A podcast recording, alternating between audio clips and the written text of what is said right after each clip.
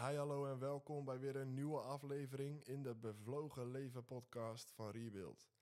Elke week een teaching van 20 minuten vol tips en tricks die je helpen om te leven in de wind van de Heilige Geest. En vandaag gaan we het hebben over een super praktisch thema: werk. Allemaal hebben we werk of moeten we op een bepaald punt gaan werken. En ik wil het met jou gaan hebben over de vraag: hoe kan ik excelleren in mijn werk? Hoe kan ik er beter in worden? We behandelen drie onderwerpen vandaag en die gaan over waarom werken belangrijk is, de opdracht die we hebben gekregen. We gaan het hebben over de houding, de werkhouding of de werkmentaliteit die je moet hebben. En ik ga je gewoon een paar sleutels geven om beter te worden in je werk. En door deze hele uh, aflevering heen zitten heel veel sleutels verwerkt met veel Bijbelteksten. Dus luister lekker mee, schrijf lekker mee of luister de podcast gewoon lekker nog een tweede keer als je er meer van wil onthouden. Waarom is werken belangrijk? Toen God de hemel en de aarde schiep, toen maakte hij bomen, planten, struiken. Hij maakte de aarde, het licht, de zon, de maan. Hij maakte de zee, eh, bergen en al die dingen meer. En tenslotte aan het einde maakte hij de mens. En dan zegt hij: Laat ons mensen naar ons evenbeeld maken. Mensen die zijn zoals God, die geschapen zijn zoals Hij is. En dan zegt hij: Zij moeten heersen over de, over de vogels in de lucht, over de vissen in de zee en al die dingen meer. En tenslotte zei hij tegen Adam en Eva: Bewerk de aarde. In die hele heerschapijopdracht die God geeft aan de mens, zegt hij dit erbij: Bewerk de aarde. En dat woord bewerken betekent eigenlijk zoiets als ontwikkelen. Het betekent zoiets als: ik heb je alles gegeven wat je nodig hebt. En het is aan jou om dat te ontwikkelen, om dat mooier te maken of er meerdere dingen uit te maken. Heel simpel voorbeeld: God schiep bomen, geen tafels. Hij maakte bomen waar we hout van konden halen om vervolgens planken te maken en daar weer tafels van te maken. Nou, we weten het allemaal. Hij zond zelfs zijn eigen zoon, Jezus, naar deze aarde om eerst 30 jaar te timmeren voordat hij daadwerkelijk zijn koninkrijk ging bouwen. God heeft ons geschapen met een creativiteit die hij in ons heeft gelegd om producten of dingen te zien en die vervolgens mooier te maken of te ontwikkelen of verder nog te produceren. God schiep de bomen en het is aan ons om er een tafel van te maken, als het ware. En op die manier legt God ook die, die opdracht uit aan Adam. Ten eerste om te heersen, om heerschappij te voeren over deze wereld, om de cultuur van zijn koninkrijk te brengen op de plek waar je bent. En ten tweede om simpelweg dingen te ontwikkelen, steden te bouwen, huizen te bouwen, land te bewerken of gewoon heel simpel software te ontwikkelen. Zo zijn we geschapen en op die manier zijn we ook bedoeld om onze talenten in te zetten en, en producten en diensten te ontwikkelen die Hem eer geven. Maar wat is nou een grote vijand van werken? Wat is nou een grote vijand die ons in de weg zit? Ik, had ik, ik ervoer heel sterk dat we deze aan het begin moesten behandelen. Luiheid is een grote vijand van een werkmentaliteit. De Bijbel zegt: wie niet werkt, zal niet eten. In Spreuken 6, vers 9 tot en met 11 kan je lezen: Hoe lang luiwaard blijf je nog liggen? Wanneer sta je op uit je slaap? Een beetje slapen, een beetje sluimeren, een beetje liggen met gevouwen handen. Zo komt uw armoede over u als een wandelaar en je gebrek als een gewapend man. Luiheid is de grootste vijand van een werkmentaliteit. Het kan je overvallen. Het is een houding die er langzaam maar zeker insluipt, maar op een bepaald moment destructief, destructief wordt. Het overvalt je ineens, het slaat je lam. En eigenlijk wat je doet door toe te geven aan kleine dingen van luiheid, is dat je een verkeerd karakter bouwt door elke dag opnieuw een bepaalde vorm van luiheid toe te laten in je leven. En de Bijbel geeft er hele simpele dingen voor. Snoezen. En begrijp me niet verkeerd, ik snoes ook wel eens. Allemaal willen wel eens snoezen. Er zijn maar weinig mensen die direct uit hun bed opstaan en gelijk helemaal klaar wakker zijn. Maar het gaat er meer over dat je uitkijkt. Dat je niet te lang in je bed blijft liggen, zodat er dingen blijven liggen in je leven. Het zijn die hele kleine dingen waardoor je luiheid, de luiheid er langzaam insluipt. Je werk net niet helemaal afmaken. Eh, net wat langer blijven liggen. Of als je iets aan het schoonmaken bent, dat je eh 90% schoonmaakt, maar net niet dat ene extra stukje. Het zijn al die kleine vormpjes van luiheid die langzaam maar zeker een lui karakter bouwen. En dan op een bepaald moment, op een bepaalde dag, kan luiheid je ineens overvallen. En dan ben je er slaaf van. Luiheid leidt tot slavernij, zegt de Bijbel. En voor je het weet zit je eraan vast. En dan is het moeilijk om er, al, om er los van te komen. We gaan het er straks nog verder over hebben. Maar luiheid is de grootste vijand van een gezonde werkmentaliteit. Maar hoe zit het er dan mee als je lastig werk hebt? Sommige mensen hebben werk waar ze heel veel moeite mee hebben. Of ze hebben werk wat hun heel veel energie kost. Of waar ze helemaal niet enthousiast door zijn. Je ziet ook in de Bijbel dat werken soms gewoon heel moeilijk is en hard is. Dat komt omdat toen de zondeval in de wereld kwam en ehm, eh, hè, dat, dat verhaal met Eva die van de verboden vrucht at, waardoor de zonde in deze wereld komt, dan zie je dat God op een gegeven moment tegen Adam en Eva een vloek uitspreekt. En de vloek is, als je een van de delen van die vloek is, eh, je zult voortaan in zweet en zwoegen je werk moeten doen. Met andere woorden, werken is soms zwaar. Werken is soms vervelend. Het is dus niet gek dat wij dat ook soms vinden.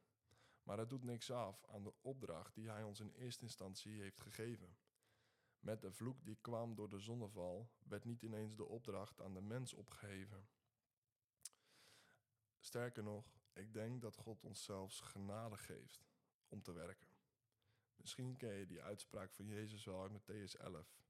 Neem mijn juk op je, zegt hij daar. Wentel je werken op de Heer. En dan zegt hij, neem mijn juk op je, op je, want mijn juk is zacht en mijn last is licht. Zijn last is niet licht, omdat hij weinig te dragen heeft. Zijn last is licht, omdat hij het grootste gedeelte ervan draagt. En vaak denken wij, als wij het juk van Jezus op moeten nemen, uh, dat we dan een ander juk op ons nemen, als het ware. Maar ik denk dat dat niet zo is. Ik denk dat Jezus ons wil leren door te zeggen: hey, kom naast je staan. Ik draag het grootste gedeelte van jouw juk.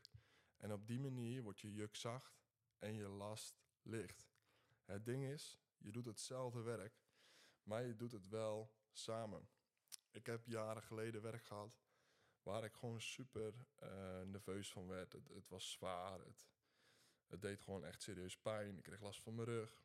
En ik wist toen al dat ik later in dit leven andere dingen zou gaan doen dan dat werk wat ik toen daar alleen deed. En mijn verlangen was echt om ander werk te krijgen wat minder zwaar was en nou ja, wat minder pijn deed.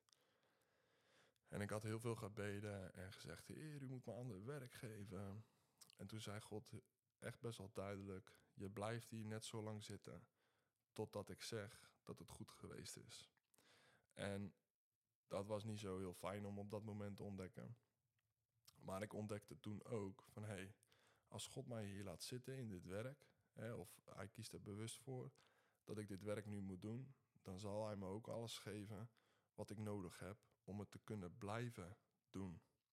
En uiteindelijk ben ik daar gebleven en bij elke pijn of elke zucht, dan zei ik: Heer, u weet het, u ziet het, maar ik weet ook dat u het samen met mij wil dragen. En achteraf waren die, die jaren, dus ongeveer drie jaar, waren echt jaren van karaktertraining. Het waren jaren waarin ik doorzettingsvermogen leerde. Het waren jaren waarin ik mijn, um, als het ware, mijn pijngrens stretchte. Mijn, uh, mijn uithoudingsvermogen stretchte. Het waren jaren waarin mijn karakter gebouwd werd. Waardoor ik tot op de dag van vandaag veel meer discipline heb. Of makkelijker gewoon durf door te gaan, ook als het even tegen zit. Soms is het nodig om gewoon tegenslag te hebben, zodat je karakter gebouwd worden, wordt. Werken is uiteindelijk ook gewoon een stukje karaktertraining, om het even zo te zeggen. Maar welke houding is nou zo belangrijk bij werken? En er is één tekst uit Colossense 3, wat echt mijn live tekst is geworden de afgelopen jaren. En die ik graag met je deel. Die staat in vers 17. Er staat: En alles wat u doet met woorden of met daden, doe dat alles in de naam van de Heer Jezus. Terwijl u God en de Vader dankt door Hem. Dit is de basis. Vers 17 is de basis van je houding om te excelleren in je werk. Alles wat je doet, doe dat in de naam van Jezus. Ik zeg heel vaak: als je het niet in Zijn naam kan doen, moet je het simpelweg niet doen. Dit kan je werkelijk op elk principe in je werk plakken. Of het nu gaat om opgeven, of de manier waarop je je werk doet, of de houding richting je werkgever. Alles moet je doen en zeggen in de naam van de Heer Jezus. Kan je het niet in zijn naam doen, moet je het simpelweg niet doen. Ik moest denken aan een verhaal van een kerel met wie ik ooit aan het werk was. En die wilde een spijker of zo uit een, uh, uit een plank trekken. En dat lukte hem tot drie keer toe niet. En uiteindelijk zei hij in de naam van Jezus. En toen kwam die spijker eruit. Het is heel simpel. We moeten, um, denk ik, echt Jezus betrekken. In elk gebied van ons leven. Zeker in ons werk. Hij is bij machten om je te helpen. Maar goed, dit is dus de allereerste en belangrijkste basis voor een gezonde werkhouding. Dat je alles wat je doet in de naam van Jezus doet. Maar ook alles wat je zegt natuurlijk. Dus die twee dingen gaan hand in hand. En dan komt die tweede, waarvan ik denk, of die tweede, dat tweede deel van de zin, waarvan ik geloof dat het een sleutel is om een gezonde werkmentaliteit te krijgen. Dat is namelijk dankbaarheid. Gratitude changes the attitude. Door dankbaar te zijn, word je ontvankelijk door wat God je wilt geven. En beleid je dat je afhankelijk bent van Hem. Als wij stoppen met dankbaar zijn, dan beginnen wij ons met zorgen maken. Als die, als die tekst zegt, terwijl u God de Vader dankt door Hem, dan staat daar eigenlijk dat het super essentieel is dat we leven vanuit dankbaarheid. Er zijn duizenden, miljoenen mensen die geen werk hebben en die wel werk zouden willen hebben. En heel vaak kijken wij naar werk alsof het een soort vloek is. Maar eigenlijk is werk iets wat door God gegeven is. En mogen we dat uit dankbaarheid doen. En ons ten volle inzetten op de plek waar we gezet zijn. En als je, als je vergeet met dankbaar zijn, dan word je langzaam zeker, ga je je zorgen maken. Dan word je ondankbaar en dan worden dingen een last. Zoals ik al zei, gratitude changes the attitude. Sleutel 1 voor een gezonde houding. En nummer 2, gehoorzaam je werkgever. Niet echt een populaire uh, uitspraak, maar ook die staat in Colossense 3. Er staat, wees in alles uw werkgevers gehoorzaam. Er staat er niet met ogendienst als om mensen te behagen, maar oprecht van hart, in het vrezen van God. En alles wat u doet, doe dat van harte als voor de Here en niet voor de mensen. Weet je, als jij je uh, werkgever gehoorzaamt, dan doe je dat niet alleen voor je werkgever, maar dan doe je dat juist ook voor God. God heeft het neergelegd in zijn Bijbel. Op meerdere plekken kan je dat lezen. Ook in Efeziërs 5 of 6 uit mijn hoofd. Um, heeft hij uh, weergegeven. Het is zo belangrijk om je werkgever te gehoorzamen. Daarmee eer je niet alleen je werkgever, maar juist ook God. Weet je, het is de bedoeling dat jouw werkgever aan jou ziet dat je een christen bent. Simpelweg door de houding die je hebt richting je werkgever. En dan staat er ook bij zonder tegenspraak. Dus ik merk dat ook heel vaak om me heen. Dan krijgen mensen bijvoorbeeld een opdracht en dan gaan ze eerst zeiken of zeuren en dan tien minuten later gaan ze die opdracht doen. En dan zeggen ze: Ik heb toch gedaan wat je van me vroeg. Maar hoe zou jij dat vinden als uh, je iets vraagt aan iemand anders om iets te doen? En diegene die gaat eerst allemaal zeuren, misschien achter je rug om of misschien tegen jou.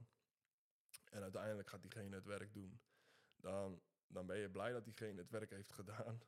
Maar dan baal je wel simpelweg van die houding.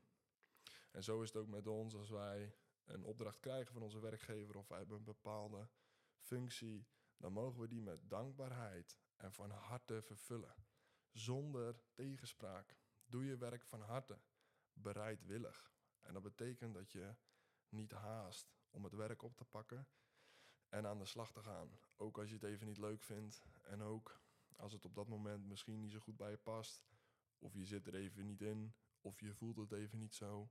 Doe je werk van harte bereidwillig, zonder tegenspraak. Zo geef je God de eer en laat je aan je werkgever zien dat je een God dient van het goede. En die laatste is, in 1 Petrus 2 vers 18 kan je dat zien. Ook als ze verkeerd handelen, moet je alsnog je werkgever gehoorzamen. Betekent dit dat als je werkgever van jou vraagt om dingen te doen die tegen God ingaan, dat je ze dan alsnog moet doen? Nee, dat staat er niet. Wat daar bedoeld wordt is, ook een werkgever is onvolmaakt en kan jou soms verkeerd behandelen. En dan laat je alsnog zien dat God de goede God is door bereidwillig te zijn en van harte dat te doen wat Hij van je vraagt. De Bijbel zegt, als iemand je verkeerd behandelt, uh, wees dan vriendelijk tegen hem. En daar zou je ook dit voor kunnen invullen. Doe je werk dan alsnog heel goed. En er staat erachter, zo stapel je hete kolen op zijn hoofd. Met andere woorden, uh, je doet niks slechts tegen hem, maar je laat die ander inzien hoe het beter kan. Simpelweg door het goede voorbeeld te geven. Dus nummer één voor een goede houding. Uh, de basishouding is dat je alles doet in de naam van Jezus. En dan nummer één is dankbaarheid. Gratitude changes the attitude. Nummer twee, gehoorzaam je werkgever. En nummer drie, doe je werk altijd goed. Juist als je baas of werkgever niet kijkt. Het is een karaktertraining. Het is, het is zo belangrijk om niet makkelijk te worden en kleine dingen te laten slingeren. Doe je werk als voor de Heer, zei ik net al. Hij kijkt altijd. Je baas kijkt niet altijd, maar God wel. En met die houding mag je ook je werk doen. Dat zelfs als je baas niet kijkt en je denkt, oh, ik kan wel even dit rommelen. Of ik kan wel eventjes achterover kijken. God ziet het nog steeds. En je mag je werk doen voor Hem. Hij kijkt altijd en Hij zal je ook vergelden wat je niet krijgt. Het kan zo zijn dat je werkgever misschien jou niet waardeert om wat je doet. Of uh, niet voldoende aandacht heeft voor wat je doet. Of het eigenlijk niet zoveel interesseert. God ziet het wel. Hij kijkt naar je en hij zal je vergelden wat je niet krijgt. Ik kan nog drie sleutels met je delen die je helpen om te excelleren, om goed te worden in je werk. Nummer 1 is kwaliteit. Ga niet voor snel succes, maar neem solide stappen. Een snel verkregen bezit vergaat snel, maar wie zijn werk stap voor stap doet, vermeerdert zijn bezit. Als je je te snel werkt, dan vergeet je vaak essentiële stappen. Kwaliteit kost tijd, kwantiteit volgt daarna vanzelf. Focus niet op de buitenkant als de binnenkant niet klopt. Begin bij de binnenkant, dan volgt de buitenkant vanzelf, net als met je geloof. Sleutel 2, eerlijkheid. De Bijbel zegt: Wie op kronkelpaden gaat, wordt ontmaskerd. Vroeg of laat komen je leugens uit. En als ze niet uitkomen, is het alleen maar erger eigenlijk. Het tast je integriteit aan. Als je er een keer mee wegkomt, dan denk je namelijk dat je het vaker kan doen. De Bijbel zegt: kleine vossen vernielen de wijngaard. Juist die hele kleine leugentjes om hebben de grootste impact. Die vosjes die vreten aan de wortels, ze komen binnen via de scheuren in je fundering en vreten precies aan die wortels, de scheuten van de wijnrank en de bladeren. Ze ondermijnen de bron van je leven, snijden je af en zorgen ervoor dat je geen zuurstof krijgt. Zorg dat je eerlijk blijft in elk ding van je werk. Sleutel 3 als laatste: vertrouwen. De zegen van de Heer maakt rijk. Zwoegen voegt er niks aan toe. Geef je plannen over aan Hem. Wentel je werk op de Heer en Hij zal het doen. Werk hard, maar zwoeg niet. Mensen die alleen maar zwoegen, vertrouwen niet op God, zeg ik wel eens. Doe je best en de Heer doet de rest. Hij zal het voor je doen als jij gewoon hard werkt en vertrouwt op Hem. Ik hoop dat je geïnspireerd en aangespoord bent om een bevlogen leven te leiden. Rebuild heeft het verlangen dat Gods koninkrijk zichtbaar en tastbaar wordt in elk facet van het leven. in jouw leven.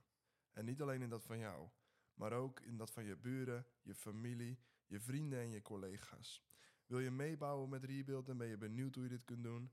Kijk dan op www.rebuilders.nu meebouwen. Ik wens je nog een hele fijne dag.